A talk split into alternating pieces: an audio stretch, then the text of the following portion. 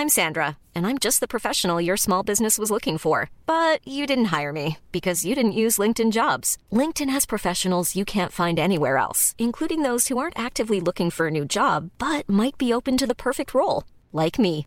In a given month, over 70% of LinkedIn users don't visit other leading job sites. So if you're not looking on LinkedIn, you'll miss out on great candidates like Sandra. Start hiring professionals like a professional. Post your free job on linkedin.com/people today. One size fits all seems like a good idea for clothes until you try them on. Same goes for healthcare. That's why United Healthcare offers flexible, budget friendly coverage for medical, vision, dental, and more. Learn more at uh1.com. Here's a cool fact a crocodile can't stick out its tongue. Another cool fact you can get short term health insurance for a month or just under a year in some states. United Healthcare short term insurance plans are designed for people who are between jobs, coming off their parents' plan, or turning a side hustle into a full time gig. Underwritten by Golden Rule Insurance Company, they offer flexible, budget friendly coverage with access to a nationwide network of doctors and hospitals. Get more cool facts about United Healthcare short term plans at uh1.com. Veckans sponsor är Telia. Hos Telia samlar man mobil, bredband, IT-support, mobilväxel, allt som gör företagande enkelt. Och det är just det här att samla allt på ett ställe, att ha någon att vända sig till när det inte fungerar, det är Telia. Ett exempel på vad som inte är Telia, det är ju som när jag lyckas boka förmötet för en poddinspelning med Finansinspektionen till efter själva inspelningstillfället. Eller när jag här, här året var liksom, fick för mig att jag skulle börja springa, så jag är liksom ute och springer taggad, träffar en kompis som säger så du Jan, på måndag ska jag springa ett lopp. Och jag känner så här, ja men det låter inspirerande, så jag käkar pasta, jag byter om, tar mig ner till Malmö stadion för att göra en efteranmälan, står där i kön och sen så när jag liksom anmäler mig så tittar de på mig och säger så här, du Jan, vårhuset är bara till för kvinnor. Och eh, det var, det var typisk en situation som inte är Telia. Oavsett, ett stort tack till Telia som sponsrar, gör Rika Tillsammans möjligt, men framför allt tack till dig som lyssnar, följer och eh, hänger med oss varje vecka. Vi hade, eller jag hade ju verkligen inte varit här, där jag är liksom finansiellt och där vi är i livet, om jag inte hade gjort en massa misstag tidigare. Du lyssnar på Rika Tillsammans-podden som handlar om allt som är roligt med privatekonomi i den här podden får du varje vecka ta del av konkreta tips, råd, verktyg och inspiration för att ta ditt sparande och din privatekonomi till nästa nivå på ett enkelt sätt. Vi som gör den här podden heter Jan och Caroline Bolmesson. Idag är det dags för avsnitt 53 och eh, idag så är det ett avsnitt eh, som är faktiskt på, på, baserat på en läsares... Eh, en enda läsarfråga. Ja, precis. Och, ska, och vi ska prata om vanliga misstag mm. som, eh, som vi har gjort, som de flesta sparare gör, som de flesta studier är överens om, som kostar oss sjukt, sjukt mycket pengar. Mm. Och eh, jag konstaterade väl när jag förberedde det här avsnittet att jag kan under de här 20-25 åren som jag har investerat, sparat pengar, jag har nog gjort allihop. Och allihop? Det är, allihop. Mm. Och, det, och det är faktiskt lite, lite pinsamt. Men du, innan vi kör igång med de här ekonomiska misstagen så, så bara satt jag här och tittade på skärmen som är ja. bakom oss och tänkte så här, alltså man får alltid en andra chans på något vis. Jaså. Vi ska ju ha vårt andra barn här snart. Ja. Ja, mycket snart. Ja. Och så tänker jag att ah, vi ska göra annorlunda grejer denna gången. Vi ska ha mer grönsaker till det här barnet, till Freja. Men visst är det ändå så inom ekonomi. Ja. Man får chans efter chans. Ja, liksom. Gud, Inte på samma vis som med, med barn, liksom, ja. men faktiskt ja, men, på ett men, annat vis. på en annan nivå kanske. Ja, men jag tror att det verkligen är så. Jag, jag har ju som livsfilosofi att eh, att allt som händer är en träning inför något som komma skall. Mm. Och vi hade, eller jag hade ju verkligen inte varit här, i, i, där jag är liksom finansiellt och där vi är i livet, om jag inte hade gjort en massa misstag tidigare. Så jag tror absolut att det är en träning, eh, träningsgrej. Det är samma som vi gjorde den här intervjun med Per Bolund i, i, i förra avsnittet. Så det kan vara jättekul att intervjua en minister, men sen i efterhand så inser jag så här, men gud, vänta här nu, jag har gjort en intervju en timme, jag fick ju inte svar på hälften av frågorna trots att jag Nej, ställde han var mediatränad. Han var grym, eh, kan jag verkligen så konstatera i Ja, och i vi är efterhand. ju inte heller journalister så. Nej. så men ja. Nej, så att, det är Anyway. lite, så att det är lite så här respekt till Mats Knutsson och alla sådana andra på SVT. alla journalister som, som, är, eh, som aldrig släpper frågan som det egentligen handlade Ja, om från början. Ja. Nej men sen Ja. är det väl också extra kul, det var ju länge sedan bara du och jag var i ett avsnitt. Mm. Eh, vi har ju haft mycket gäster, vi har ju haft Erik Strand här som vi pratade om guld och hedgefonder, sen hade vi Per Bolund. Sen har vi ytterligare tre avsnitt som vi inte har släppt än eh, med Henrik Tell, den Mm. oberoende rådgivaren, eh, där vi pratar om räntefonder, vi pratar allmänt om läsarfrågor som kommer komma. Sen har vi med en, eh, med Ato Gatami ett avsnitt som kommer komma om artificiell intelligens. Här Japp. som vi har tajmat in att när vi är på BB så får eh, det avsnittet gå ut. Så du som följer oss kommer veta att när, veckan med eh, Atter, då är det... Då är det Men du, varför vill du prata om artificiell intelligens i eh, ekonomipodd? Alltså bara, bara en parentes här för nu. att det kommer ha en enormt stor påverkan på vårt liv i framtiden. Vissa säger att det är det sista människan kommer att uppfinna. Ja, kanske. Mm. Och man pratar om fjärde industriella revolutionen och det som är roligt just med Atter är också att, du vet ibland säger man så här, det är världens smartaste människa. Men med honom så är det sant på riktigt. Liksom Det jag- kommer ju bli ett helt grymt poddavsnitt. Ja, det, det vet jag. Det, så, så mycket vågar jag inte säga, men jag, jag kan ju säga att liksom när, när jag gjorde civilingenjörsutbildningen på fem år, som ändå är utsatt tid, då gjorde han det på två år. Ja. De andra tre åren när vi höll på liksom i tvåan och trean, då doktorerade han och sen blev han professor efter fem år. Typ den som blivit doktorerad blivit professor snabbast i LTHs historia. Ja, ja, det finns mycket spännande att Så- säga om, om ja. honom och eh, då om Ja. AI också. Ja. Och, eh, och sen så vill vi också verkligen, vill tacka alla läsare för alla förslagen kring det här med hur vi kan göra med finansiering av bloggen. Mm. Och det har vi också faktiskt under juni månad jobbat, eh, eller under maj månad faktiskt jobbat med, med ett förslag på hur vi kan göra. Så att det kommer också komma Det kommer komma framgent. eh, ett förslag mer, ja. på hur vi kan göra. Men där händer sjukt mycket spännande. Vi tar ju inte semester va? Nej, ja, precis. Vi tycker inte ens om semester. Nej. Men ska vi hoppa in i dagens Vi avsnitt? hoppar in i det här vanliga ekonomiska misstag Ja. som, som du, framförallt du, har gjort. För det är ju, Ja, för du gör inga misstag. Jag gör misstag men jag känns ju inte vid dem på samma vis Ah, nej. i detta poddavsnittet som du. Och, och, och jag är inte inne liksom och kollar på min portfölj särskilt mycket. Nej, men det och ska mina bli roligt Tesla-aktier. För, om de går upp eller ner. ja, du vet att de gick upp nu. Eh, Efter att han hade haft sån kapitalmarknadsdag. Ja. Men det, det är en annan, en, Superbra. en annan, en annan historia. Ja, men vi ska väl ändå prata lite mer åt det personliga hållet. Dels vilka misstag som vi eller du har gjort. Och det Det var skönt att du verkligen sa, du bara rub it in. Nej, det, jag försöker inte rub it in. Utan jag vill bara poängtera att...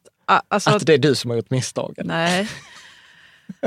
Den, det kan hända den bästa liksom. Och att inte vi, vi lägger det på ett, det här poddavsnittet på ett väldigt abstrakt plan som att man kan göra de här misstagen. Nej, men Utan du det får- vi har gjort dem. Ja, Ja. precis. Du får, du får se till att hålla det down to earth så kan jag, Jag få ska vara försöka abstrakt. mitt bästa. Ja, och du kan Mm. få gärna också säga vilka misstag du känner igen. Eh, Absolut, om i- jag själv har gjort dem också. Ja, precis. Men, eh, jag, likely. precis. Ja, men jag gjorde ett misstag där någon gång 92. Sen, sen dess eh, har, det inte, har det inte... Jag är den ödmjuka av oss. Ja, jag märker ju det.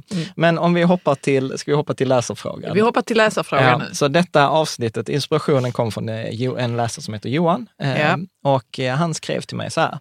Om jag träffade dig på bussen, då skulle jag vilja ställa de här tre frågorna. Och jag tyckte så här, gud vilka bra frågor. Så den första frågan var så här.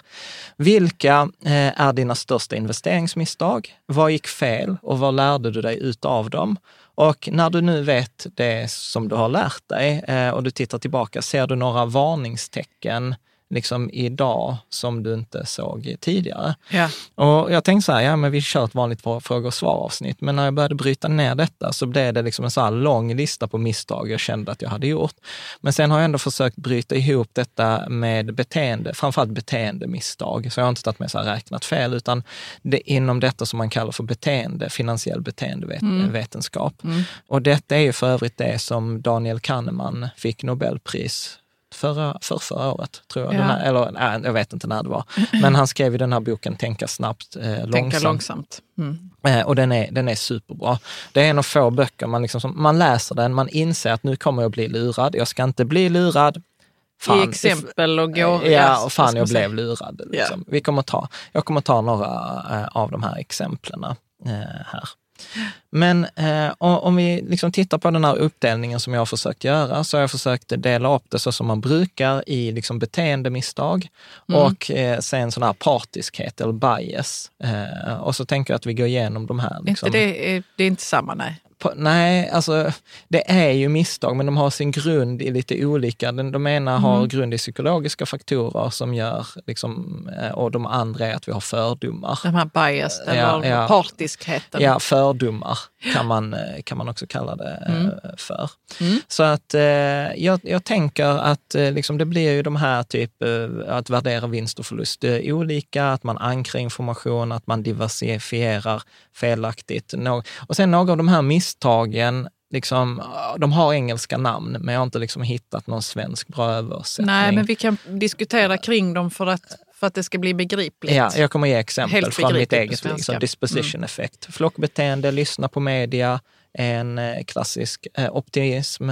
Övertro har aldrig inträffat i mitt liv, att jag har haft för hög tro på mig själv. Eh, och sen så pratar man om där narrow framing. och, nu är vi inne på partiskheten. Ja, precis. Mental bokföring, att ångra sig, mm. eller att ångra... Eller man, alltså vill man, vill, man vill undvika att ångra sig. Ja, precis. Så gör man och sen det som de fick Nobelpriset för, det som kallas för prospect theory. Daniel så, Kahneman och hans ja, och kollega. Tversky. Och det, alltså, det är många som har gjort den, den ja forskningen. Okay. Men jag tänker att vi hoppar rakt in. Så jag hoppas att detta, liksom Johan här när du ställer den här frågan, jag tror inte att du räknar med att du skulle få en lista på så 200 misstag, men jag, jag tror ändå att detta är ett schysst sätt så att det blir någon struktur i ja, att prata om eh, misstaget. Mm. Och, och det första misstaget handlar ju om att vi människor, inklusive då jag, man värderar vinst och förlust helt olika. Mm. Att en, eh, en eh, förlust upplever vi, smärtan från en förlust upplever vi många gånger nästan dubbelt så stor som eh, glädjen från en vinst. Ja. Så att om man liksom vinner 100 kronor eller förlorar 200 kronor så är känslan helt olika. Och det kan man ju liksom ta till exempel, exempel böter, parkeringsböter. 500 kronor parkeringsböter gör ganska ont. Att ja, ha... och man tänker länge på det. Men ja. om man undvek att få den? Ja, om man hade tur. Ja, ja men då, är, då har man ju undvikit en förlust. Liksom. Så att då, då ger det en schysst känsla. Men om vi tjänar 500 kronor på fonder så är det ingen som bara liksom hoppar runt och gör high fives på en 500-lapp. Eh, Nej. Liksom. Och detta liksom, eh, handlar ju om att just den här, att, och, och dessutom att känslan av en kommande vinst känns mycket mer än själva vinsten. Ja, hur tänker du då? Alltså Nej, att man att, ser fram emot sin... Ja, jag, tänk, jag tänkte när jag skrev detta så tänkte jag på exempel ett mål. Jag ja. kan ju gilla att sätta upp mål i framtiden, men många gånger, och se fram emot att vara inspirerad och, och så här. Men eh, när, eh, när jag väl uppnått målet så kan det många gånger kännas en tumhet. Jaha, mm. var det allt? Mm. Liksom att man liksom flyttar fram det här målsnöret. Så att många man går på nästa direkt man kanske går på till näst, och med? Precis, man går på nästa, nästa, eh, mål direkt. Nästa, mm. nästa direkt helt enkelt. Och liksom man har gjort jättemycket studier på, på det här. Och man brukar säga inom ekonomi? Inom, då, alltså. inom beteende, ja. precis. Att, att en, en förlust känns ofta två, två och en halv gång värre än ja. en, en vinst. Och detta, nu, nu pratar vi ganska teoretiskt om det, men jag ska, jag ska ta eh, några exempel mm. på, på det här. För detta, jag skulle säga att detta är det misstag som påverkar flest eh, människor omedvetet. Och en sån här klassisk eh, varningssignal, eller som jag har råkat ut för, det är att man, eh, man tar för låg risk eh, för att man är rädd att förlora. Så Ja. man sätter hellre pengarna på ett bankkonto. Och det är rätt många som gör det faktiskt. Jättemånga Men också gör- för att man inte vet riktigt vad man ska hitta på med det. Men som Ja. du säger, Men man man- vill för man tycker- sjutton inte förlora någonting av sina pengar. Ja, och så sätter man dem på ett bankkonto. Många farföräldrar som sparar till barn på ett bankkonto eller vuxna, vår, Mm. är- vår mamma. Det hade varit sjukt konstigt. Ja. Min, min mamma Ja. har ju gjort det också, så här, pengar på bankkonto för det är tryggt för man vill inte ta risk. Och, och vad man missar då är till exempel att inflationen då, att pengarna minskar i värde på bankkontot. Så det är en klassisk, så här, nej men det låter riskabelt med att sätta pengarna i aktier eller i fonder. Så jag, Ja. så jag tar hellre Ja, jag tar hellre låg risk. Ja. Eh, en annan sån, alla de här strukturerade produkterna. Vi var ju på så här, eh, fika idag, där vi Mm. pratade med kompisar som hade blivit uppringda av Skandia. Där Skandia sa så här, ja men du får den här och du kommer inte backa pengar, men du låser pengarna i 15 år. Väljer man av den typen av produkter så är det samma sak. Man är rädd att förlora, så man söker den här eh, liksom, eh, tryggheten. Ganska safea Ja. produkten. Men Ja. mm. Eh, sen, sen handlar det inte om att ta för hög risk, men det kommer vi liksom prata om eh, sen. Men Eh, har du gjort det någon gång att du har varit risk... Eh...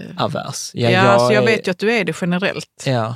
Jo, men jag försöker, eh, jag försöker skilja på vad är min känsla och vad är statistiskt rätt. Det är väl det som är liksom erfarenhet efter de här 20 åren.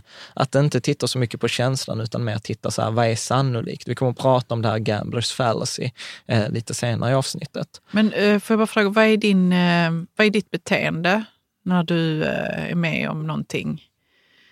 Jag vet inte om vi ska ta det lite senare, men kan, bara, vad händer med dig när du förlorar pengar? Ja, men jag ångrar mig. Det, Ja. det är så här, jag, men blir det, jag- så att du, du vill men det, men bara det beror på, det beror backa på, ut? Liksom? Nej, men det beror på vilken typ eh, det är. Alltså, har jag, har jag liksom satsat pengarna, har jag tagit rätt beslut, men beslutet föll inte väl ut. Alltså som att jag har 80 procent sannolikhet att vinna. Det betyder om jag gör detta caset 100 gånger så kommer Mm. jag vinna 80 gånger av dem. Då är det rätt beslut. Om jag sen förlorar för att jag hamnade i utfallet 20 procent, det gör mig ingenting. Det rör mig inte i ryggen. För jag vet att nästa gång så kommer jag ha 80 procent sannolikhet att vinna. Och att investera är inte att liksom dra en kula ur en påse. Det är att dra hundratals kulor efter varandra. Men det är inte så vi gör ju. Nej, Vi drar oftast en och så är vi med om något exakt. eh, som går till skogen. Ja, Sen men- vill vi inte dra någon mer. Nej, precis. Men det där, har, det där är ett annat är misstag an- som, ja, vi, som vi, vi kommer kan ta- komma vi kan till. komma till det sen, ja. Som handlar om det. att ankra, att vi Mm. lägger oproportionerligt mycket vikt vid den senaste händelsen. Mm. Eh, Men jag tänkte ta, jag har rätt många på det här, för vi är fortfarande Ja. där värderar vinst och förlust olika. Klassiker, inte att man vill inte sälja sitt hus eller en aktie under inköpspriset. Det är en sån här Nej, det vill man inte.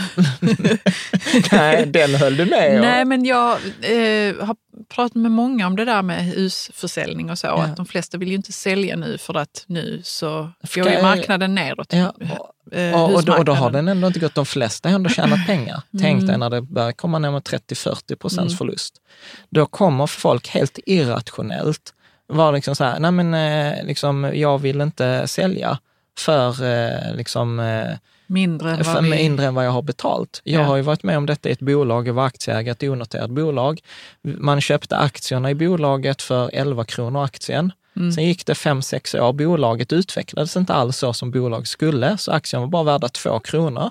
Jag erbjöd massa andra aktieägare att jag köper era aktier för två kronor som marknadsvärde. Mm. Och de sa, nej men jag säljer för 11. Och jag bara sa, men bolaget är inte värt fem gånger pengarna. Nej, men det spelar ingen roll, för jag har betalt 11 så jag ska ha 11. Mm. Så vi har liksom ingen relation till vad värdet, utan vi vill inte ta en förlust. Mm. Och supervanligt eh, detta och man kan prata mycket om det här och inköpsvärdet. Om man dessutom tar till exempel fonder eller aktier där man har köpt vid flera tillfällen, då är inköpspriset ganska irrelevant Mm. faktiskt. Absolut, att- men just med hus, bara en parentes där. Ja. Det är ju att många ser det ju som en spekulation också. Nej, ja, Nej, men man, alltså att man ska tjäna pengar på Ja, sitt hus helt precis, enkelt. precis. Istället för att det är en konsumtion, ja, som precis. du och jag har pratat mycket om. Ja, precis. Så att detta misstaget har jag gjort. Jag har haft aktier, jag har köpt dem för 100 kronor, de har varit på 70 kronor, jag har inte sålt dem för jag ska ha 100. Liksom. Eh, Så jag har gjort det. Ratos var ett sånt exempel för 6-7 år sedan. Jag köpte typ för 85 kronor och hade kvar dem till 40. Jag vet inte, men jag blir så att jag vill bara bli av med det. Jag kan inte se de röda siffrorna på, på mitt Avanza-konto. Jag känner så, åh, jag bara, måste bli av med det här. Ja, fast så resonerar inte de flesta. Nej, Nej, liksom. jag fattar. Ja, Mm. vi, vi kommer till det. Eh, en annan klassiker som på detta är också, det är att man säljer en aktie som gått upp bara för att ta hem vinsten. Okej, vänta lite här nu. Uh, Okej. Säg något mer om det. Nej, vi kommer att prata mer om det också, men många säger så här, nej men den aktien har ju gått upp så nu säljer jag den för jag vill ta hem vinsten för jag vill inte riskera en förlust, Nej. att den går ner. Mm. Och detta är så dumt av flera anledningar, för en aktie som har gått upp tenderar att fortsätta gå upp.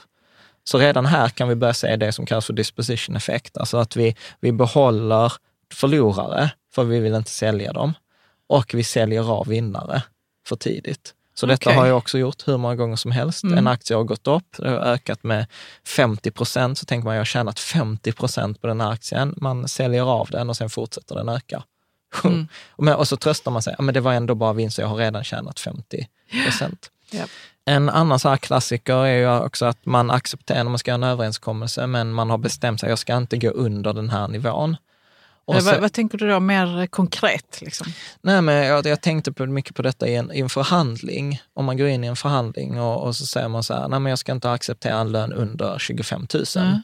Och, och sen så blir man erbjuden 24 000 och en tjänstepensionslösning och någonting annat. Mm. Men då är det så här, nej men jag kan inte vara med den här förlusten att jag har fått göra en eftergift. För man gillar inte det här att få göra en eftergift, man gillar inte den här förlusten. Nej. Och så gör man liksom ett suboptimalt eh, val. Man har eh, fokus, eh, ofta till exempel man fokuserar på en investering som har gått ner istället för att titta på alla andra som har gått upp. Också jättevanligt, till exempel just nu har jag denna. Alltså man har en portfölj, tänker Ja, du? till exempel nu är många som mejlar mig så här med räntefonder i portföljen, de går ju back eller de ligger nere. Mm. Och så ser man inte att aktierna har gått upp med liksom massa procent vid sidan av. Så Nej. att det blir väldigt mycket fokus på den här På grejen. det som går Det back. som går liksom. back, ja. Mm. För det gör precis som du säger, man står inte ut med att ha det i portföljen. Nej. Nej. Vilket kanske är liksom så att du måste ha det i portföljen, annars missar du balansen i din portfölj. Absolut. Eh, Så att det är en sån. Ja, så det har vi pratat om. Man säljer investeringar som går plus, behåller investeringar som går minus. Alltså, som jag varit inne på, det är det vanligaste misstaget. Och det är så dumt för man, man, får, man får minus minus. Du, du får inte att de går upp så mycket som de hade kunnat gå upp och du behåller det som går dåligt och det som går dåligt tenderar att fortsätta gå dåligt. Och i händelse av en kris så går det som har gått dåligt innan krisen, går ännu mer dåligt efter krisen. Så att det, det är det Men klassiska. hänger inte det också ihop med att man går ifrån sin strategi då kanske? Jo, jo, jo absolut. En, en annan sån här också, jag vet hur, hur många gånger jag har sagt till mig själv, jag har inte förlorat pengarna innan jag har sålt. Det är bara en teoretisk eh, förlust. Liksom.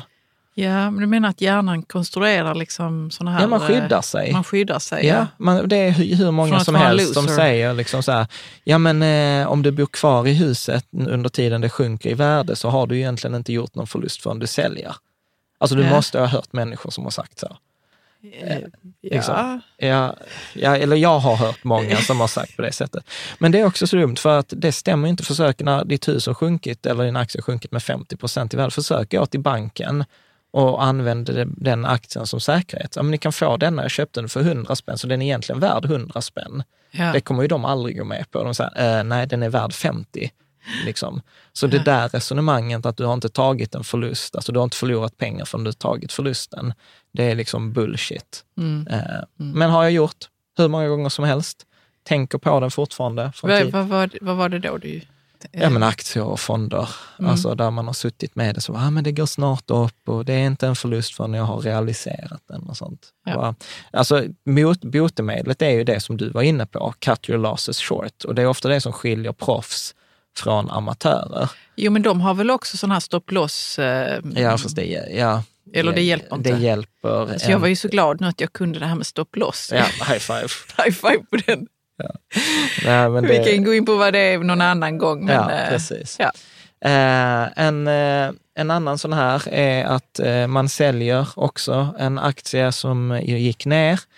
Rationalen var att man skulle köpa mer för det var liksom misstag, felprissättning av marknaden, men eh, den hade gått ner. Jag ville inte att den skulle fortsätta gå ner, så jag sålde av den trots att liksom, det egentligen inte fanns något case för att sälja av. Jag skulle egentligen ökat.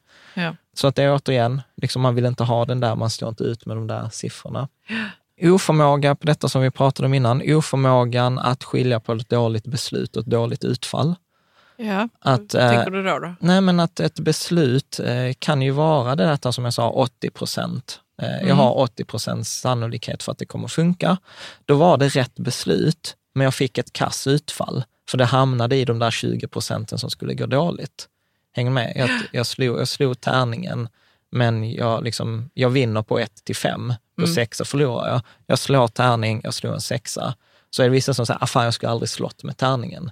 Nej, det var inte ett dåligt beslut slå med tärningen, du hade bara ett dåligt utfall. Så här, när man förlorar pengar på det sättet så måste man eh, då skilja på, på, de här, eh, på de här två. Mm. Om vi tittar eh, vidare där så, så är ett klassiskt misstag också där att man loggar in på sitt eh, Avanza Nordnet-konto för att se hur det går. Liksom Ja. att man, och, Ska man inte göra det? Nej, där finns studier. Där, där fanns en studie, jag tror det var från 2008, eh, jag tror Arne Karlsson eller något sånt hette författaren, där de gjorde just studier på det här. De visar att när börsen går bra, när marknaden går bra, så är det många som loggar in. Då ökar antalet inloggningar. När marknaden föll, när börsen gick sämre, då minskade antalet inloggningar Men är hälften. inte det rätt bra egentligen? Alltså att man inte loggar in och gör och, och hittar på grejer på kontot. Jo, men det, men det visar ju detta just, alltså det är ju ett tecken på den här loss aversion.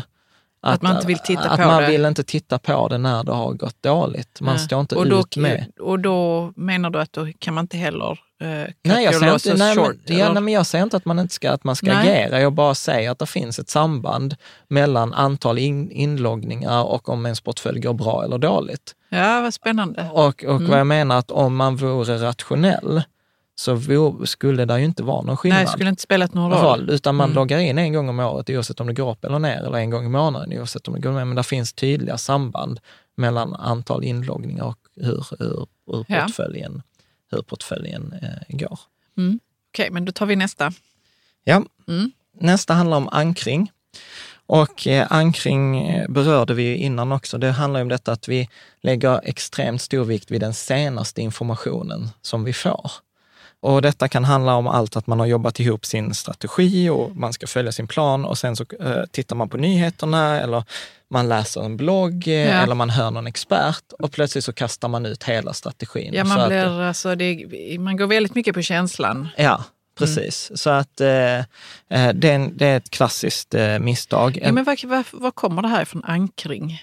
För det låter ju lite konstigt kanske att man säger ankring. Ja, men ankring det betyder att man lägger ett ankare vid den sista informationen, så den drar ner, alltså den sänker allt det där. andra. Jag kan ge ett exempel i mitt liv. Ja, Det kan ju vara vad som helst egentligen som jag misslyckas med. mm, Och då lägger jag en ankring vid det att jag ska aldrig mer, ska aldrig mer göra på detta viset. mm, Och, och, då, och det är som ett väldigt starkt flyktbeteende. ja. Mm. Nej, men jag och nu kan, kommer jag inte på något speciellt misstag, nej, men, men jag, det kan men vara jag, liksom... men jag kan ta några exempel. Alltså, jag kan ha till exempel det här med när jag kom in på guld för 6-7 år sedan. Mm. Eh, så började jag läsa kring på guld. Jag läste eh, han Maldin, jag läste Peter Schiff och jag var så här, världen kommer gå åt helvete, jag ska bara ha guld i portföljen. Och så höll jag på att sälja av liksom massa aktier för att, gud, jag har missat det här. Det har gått sex år, världen har inte gått åt helvete. Inte än, nej. Nej, Nej, Inte än, vad är det med dig?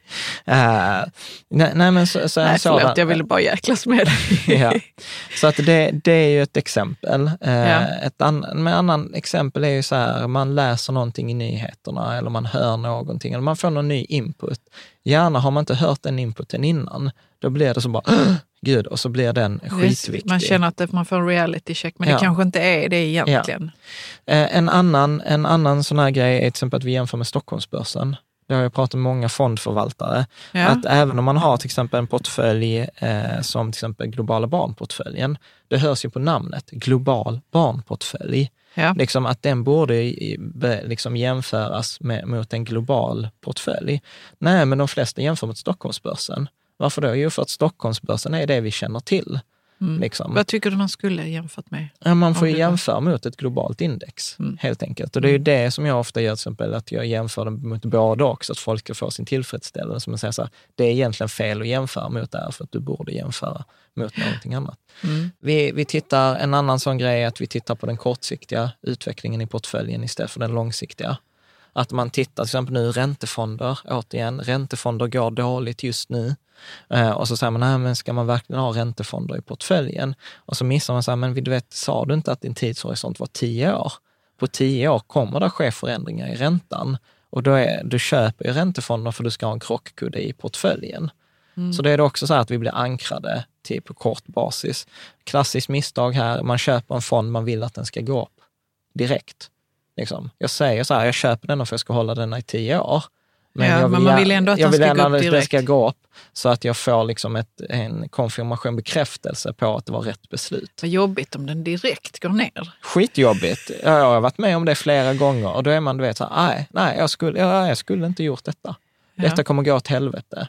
Och så tänker man så här, men hallå, på ett tioårsperspektiv, det spelar ingen roll. Vi kan säga gå åt skogen Ja, istället för... ja, ja men precis, gå åt skogen. Mm. Nej, men eh, vi har varit inne på detta också. Eh, Man värderar senaste tipset på, ja men du vet, och det gäller även denna bloggen. Alltså Mm. att vi råkar ta upp ett ämne, liksom, så kan det få oproportionerligt stor påverkan. Nu vet jag till exempel att många gillade Erik Strand och de här Pacific Precious och sånt. Och det får också oproportionerligt stor vikt, bara för att det var det senaste man gillade Erik. Jag, jag, jag känner ju det själv när jag gjort sån här intervju. Mm. Bara så här, alltså gud, jag borde skita i räntefonderna och bara ha hedgefonder. liksom. För att nu har jag pratat med Erik och det han säger, det låter ju sunt. Ja, så- men då har vi bara pratat med en person. Exakt, Mm. och strategin ska vara på tio år. Och det, det är väl där den erfarenheten har kommit idag. Att nej, vi gjorde en jättebra intervju med Erik, pratade om guld och, och, och hans hedgefonder och marknadsneutrala fonder. Har vi gjort någon förändring i globala barnportföljen eller nybörjarportföljen? Nej, det har Nej. vi inte. Liksom. Och det är ju ett sätt att försöka motverka det här ankar, ankaret. Ja. Och det, Men vad tänker du att man ska göra istället när man, när man upplever att man får en ny pusselbit, man får ny information? ja. Alltså att man sitter lugnt i båten ett Arne- tag Arne och, och funderar. Ja, Arne Talving Kavastu på Ja. Twitter som är fantastiskt duktig investerare. Han har också hållit på sedan 87, eh, så han har hållit på ännu längre. Han säger så här att när han får ny input, då sitter han på den inputen i två år innan han gör en förändring. Och det är ju sjukt Ja, det låter ju jättelänge, men i sammanhanget I nu sammanhang. så låter det ju jättesunt. Ja, ja, ja. Mm. Så att det, det är så här att, att för annars blir man ju som, en, som ett löv i vinden. Blåser det ena hållet ena dagen eh, så, liksom, så flyttar man sig. Det är väl att vända kappan efter vinden. Är väl ett liksom... Mm. Ja, och eh, egentligen är det ingen som mår bra av det. Nej, Alltså, nej jag, jag, tror att man, jag tror att man ska ha sin långsiktiga liksom, plan. Mm. Eh, en annan sån här ankargrej är, alltså detta är sjukt, vi gillar eh, heltal. Så här, en aktiekurs på 200 känns mycket bättre än 177,85. Som är Ja, vad menar du då? Att man hellre vill köpa den som Ja. är rund, liksom, Ja, nej, men, kantig? men till exempel att man säger så här, eh, jag kommer ihåg H&M när den låg över 200, så det låg så här, ja men hm kursen kommer inte gå under 200 kronor. Och mycket ja, den riktigt, har jag hört. Ja, och mycket Ja. riktigt så är det en psykologisk spärr vid 200 kronor. Men varför är det en spärr vid 200 kronor och inte 177,85? Men vad händer då när den går under? Alltså blir det så att man tappar, Ja, tappar då- någonting lite då? Liksom hoppet kring H&M. Mm. Så att eh, detta är också så att vi ankrar olika värden. Liksom så att, ja men så här, en helkrona är större. Eller många så här, det finns ju till och med eh, penny stocks på engelska kallas det. Ja, att man har de här aktierna som bara kostar ett par ören. Det tycker vi spontant är skitbilligt. Vet Jag har 250 000 aktier Mm. eh, liksom, som kostar 10 öre eh, styck. Eh, liksom, istället för att ha liksom, en aktie som kostar 250 000. Mycket roligare att ha många fler, men värdet är ju precis samma. Så att detta har jag väl också gjort. Eh, Detta tycker jag är fördel med fonder, där man inte alls har samma fokus på andelskursen som man har med aktier. Men du vet, folk vill ju gärna veta så här, vad är målkursen för den här? Och de här målkurserna är förvånansvärt ofta så här 235 eller 225 eller, alltså du vet så här, Att vi hittar på, vi hittar eh, på något som såna- känns bekvämt. Ja. Och själva sätter vi så här, nej men går den under 50 kronor, då säljer jag. Varför inte 52? Eller för, och detta utnyttjar ju proffs. Jag, Ja, jag vet- hur utnyttjar de det? Eh, att, att de lägger sig precis innan eller över de här nivåerna. Liksom att man lurar de här småspararna för man vet att detta är en psykologisk Så effekt. då handlar de upp Ja, när de vet att folk går ja. under Eller att 150 man sätter eller sin 200. stopploss, eller som vi pratade om innan, lite Mm. på de här nivåerna. Mm. Så att det, det är väl en, ett klassiskt misstag då. Ankring. Om vi nu ska nämna stopploss får vi säga vad det är för någonting. Nej, men stopploss är väl, alltså vi handlar ju inte med aktier. Det är, det är ett sätt att om en aktie sjunker, man säger så här, att om den aktien sjunker till 200 kronor, sälj den. Problemet är varför jag inte är ett stort fan av eh, stopplosser, för återigen ett vanligt misstag, för man tror att man är skyddad. Problemet är att är det ingen som vill köpa vid 200, liksom, om du säger att du har en aktie, du köper den på 250 kronor, så sätter du en stopploss på 200. För då säger man så här, "Ja, men jag vill inte förlora mer än 20 procent. Mm. Men, och det, det, det kan funka, så när Ja. det närmar sig 200 så får du den sålt. Men om du har ett ras, där liksom verkligen en aktiekurs åker genom liksom källaren, då kan den passera 200 och du får inte den såld i alla fall. Och Ja. då har du en falsk trygghet i den där stopplossen. Mm. Så människor älskar stopploss fram tills första gången de har bränt sig på den. Liksom. Så att det, Okej. är åter, jag fick Ja. vi ett bonusmisstag. Ett bonusmisstag som inte finns med på skärmen. Nej, Mm, för de som tittar på, Ja. på oss. Mm. Eh, ett, eh, ett annat sån här eh, naiv diversifiering eller felaktig diversifiering. Diversifiering betyder ju detta att inte lägga alla äggen i samma korg. Ja, att sprida sina Sprida investeringar. sina risker. Mm. Här gör man sjukt mycket misstag. Eh, att man tror att man lägger de här äggen i olika korgar, men egentligen lägger man dem i samma. För man har liksom inte tittat under ytan. Eh, På vad, på vad till exempel en fond innehåller? Ja, du, till eller? exempel att många tänker att eh, ja, jag köper två globalfonder. Ja. Då har jag diversifierat. Det har du inte alls, för det är samma aktier i två olika globalfonder. Ja. Eh, Man säger så här, men jag har diversifierat mellan aktier och räntor, för jag har en aktiefond och sen har jag en räntefond, men jag har köpt en sån här eh, high yield företagsobligationsfond. Men då har man liksom eh, att eh, den företagsobligationerna handlar om företag, aktier är företag. Börjar eh, aktier gå dåligt, företagen går dåligt, så kommer inte de kunna betala sina räntor. Och Nej. då har du en korrelation mellan din räntefond och din företagsfond.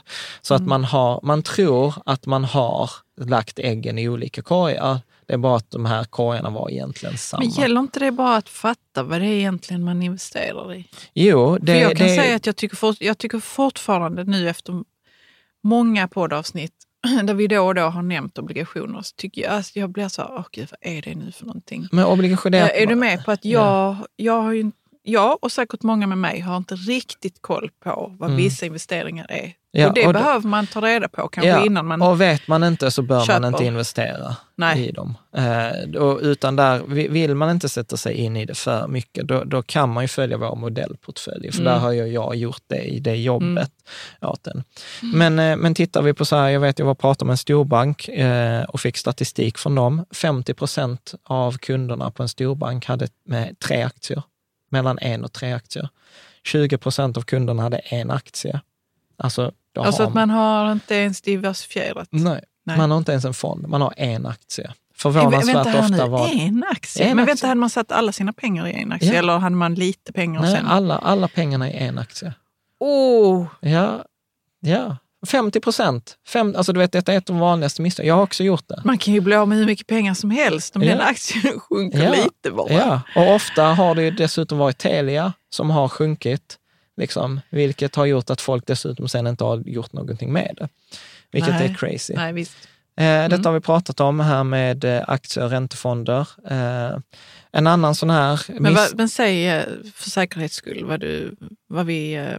För nu har vi ju, för vissa tittar ju på avsnittet och Ja, ja, vissa men, lyssnar. ja, men detta var ju det att man köper en aktiefond och en eh, företagsobligationsfond. Ja. Och så tror man att det är samma. Ja. Eh, ett annat exempel är ju detta att man säger, ah, men jag har inte lagt, jag har spridit mina pengar.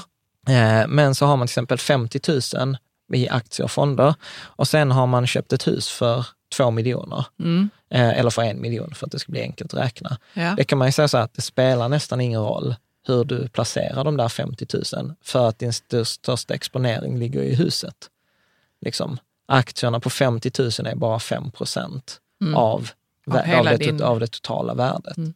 Så att det där är också en sån grej, man kollar inte på sin, hela sin ekonomi, utan man börjar Man diversifiera. delar upp den i mentalt, liksom. Ja, det huset är för sig. Ja, det och- kommer vi också prata om mental bokföring. Men just det här att man, Mm. man tittar inte på helheten, utan man diversifierar en liten, liten del. Man, kan ta, man behöver inte ta hus som exempel. Man kan säga så här, "Ah, men jag har mina 10 000 kronor, har jag fördelat på fem fonder, men sen så har jag min, min eh, PPM, eller min tjänstepension, i en enda fond. Så att, eh, så Mm. att eh, man, man tror att man är diversifierad, men man är det. Du har ju också varit på mig detta, men jag har ju samma fonder i min PPM som i min tjänstepension, som i Ja, min portfölj. precis. Ja. Jag tänkte nästan ta upp det här nu också. Ja, och, men där är det ju diversifierad för att vi tittar på det som en helhet. Ja. Liksom.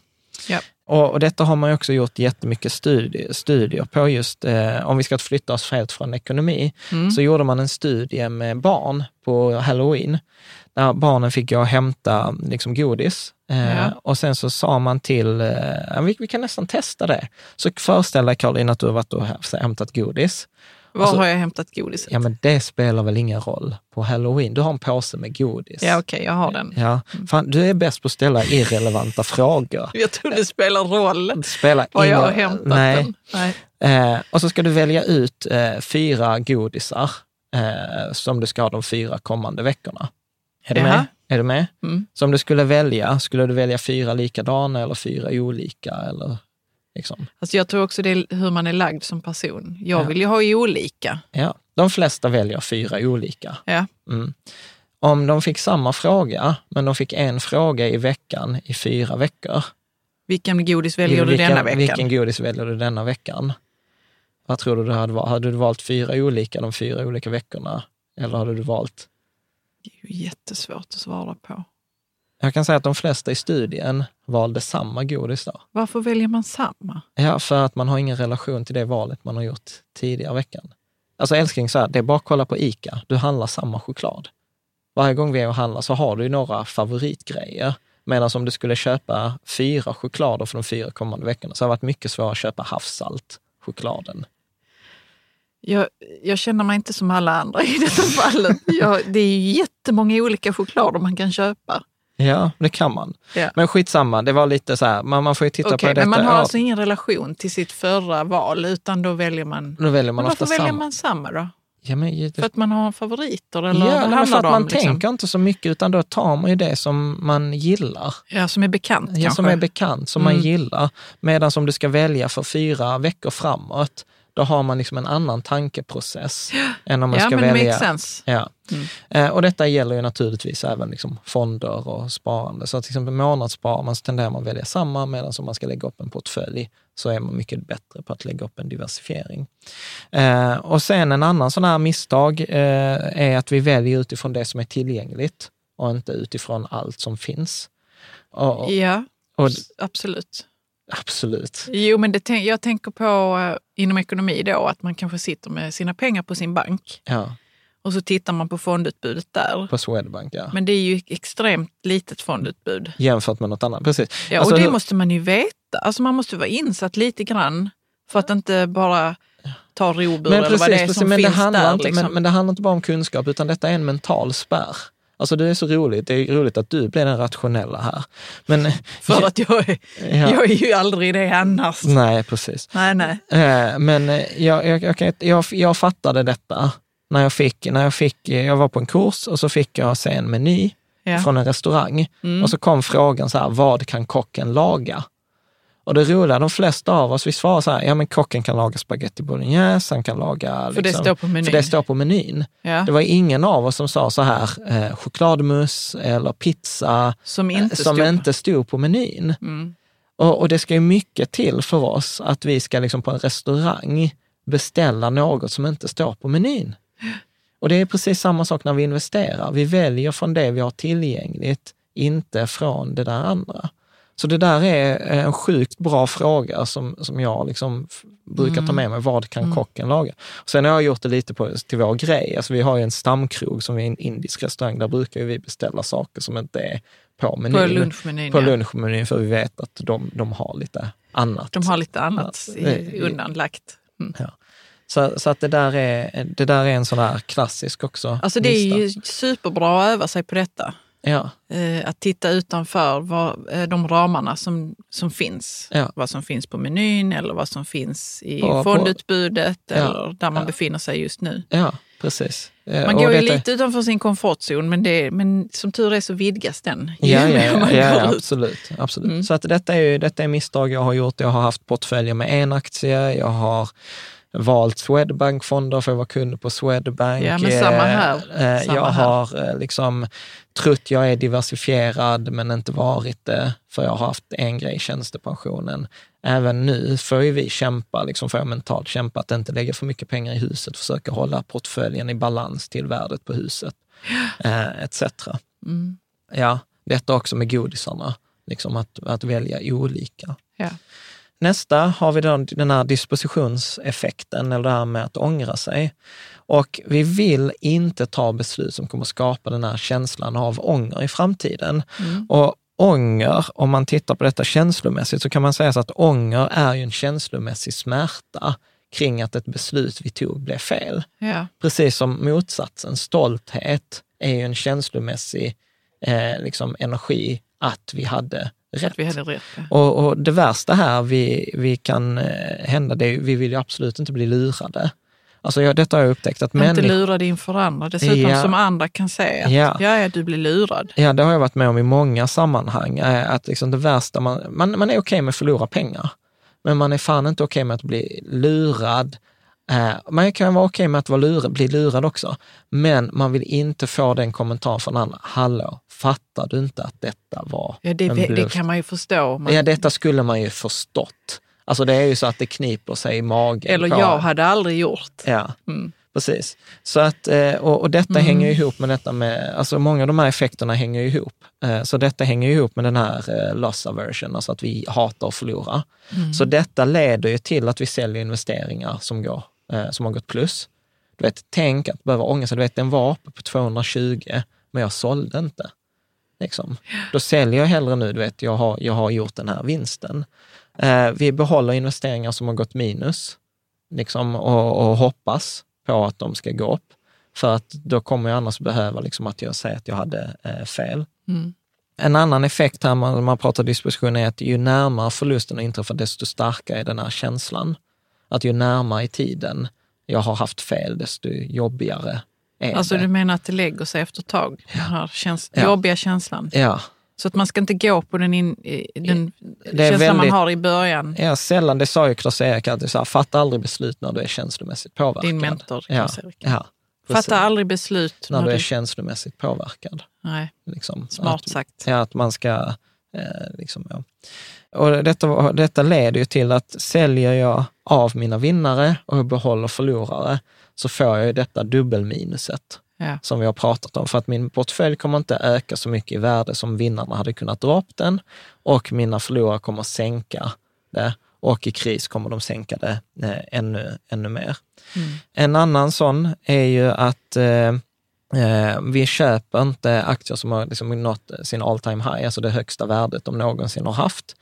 Till exempel man, en aktie eller en fond har gått upp 8 procent den senaste perioden och då känner man, nej, men den, den ökningen har ju redan skett. Mm. Eh, Trots det så finns det liksom statistiska belägg att eh, en, en aktie som eh, når ett all time high tenderar att nå ytterligare 42 all times high på rad efter den första. 42? 42 stycken. Mm. Alltså så att du vet, där är återigen helt eh, ointuitivt. Liksom.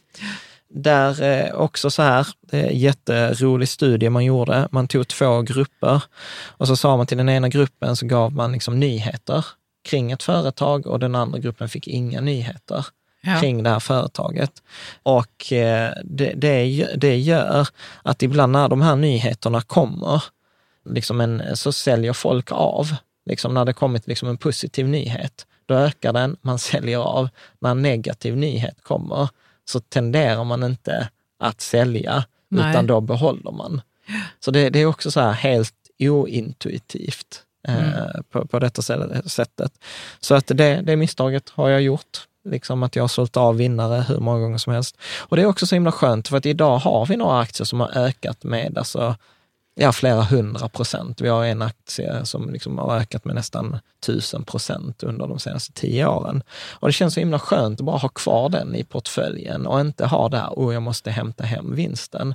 För jag minns det när den hade ökat fem gånger. Då var det så här, nu måste jag sälja av det något av. Och så bara, nej, jag ska inte sälja av. Mycket riktigt, den är dubbelt så mycket värd eh, i värld idag. Mm. För nu har vi ju kommit halvvägs ungefär. Ja, vi är, vi är halvvägs. Jag tänkte att vi skulle göra hela detta avsnittet på typ 45 minuter. Ja. Men eh, det är så här, över, övertro. Alltså, det finns jättemycket att säga om misstag helt enkelt. Ja, men, Mm. precis. Så jag tänker så här att vi, vi, vi, vi stannar här för denna veckan och Ja. sen så tar vi resten av misstagen i nästa veckas avsnitt. Det gör vi. Så att tack till dig som lyssnar och tittar på de här våra avsnitt. Kolla gärna in på bloggen, där brukar stå lite mer eh, information. Eh, och kommentera gärna, vi läser alla kommentarer eh, och försöker svara på dem också. Mm. Vi ses på, eh, i nästa avsnitt.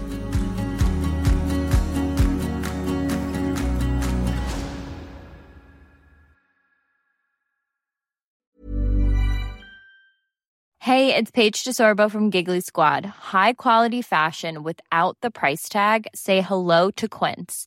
I'm snagging high-end essentials like cozy cashmere sweaters, sleek leather jackets, fine jewelry, and so much more. With Quince being 50 to 80% less than similar brands. And they partner with factories that prioritize safe, ethical, and responsible manufacturing. I love that. Luxury quality within reach. Go to quince.com slash style to get free shipping and 365 day returns on your next order. Quince.com slash style.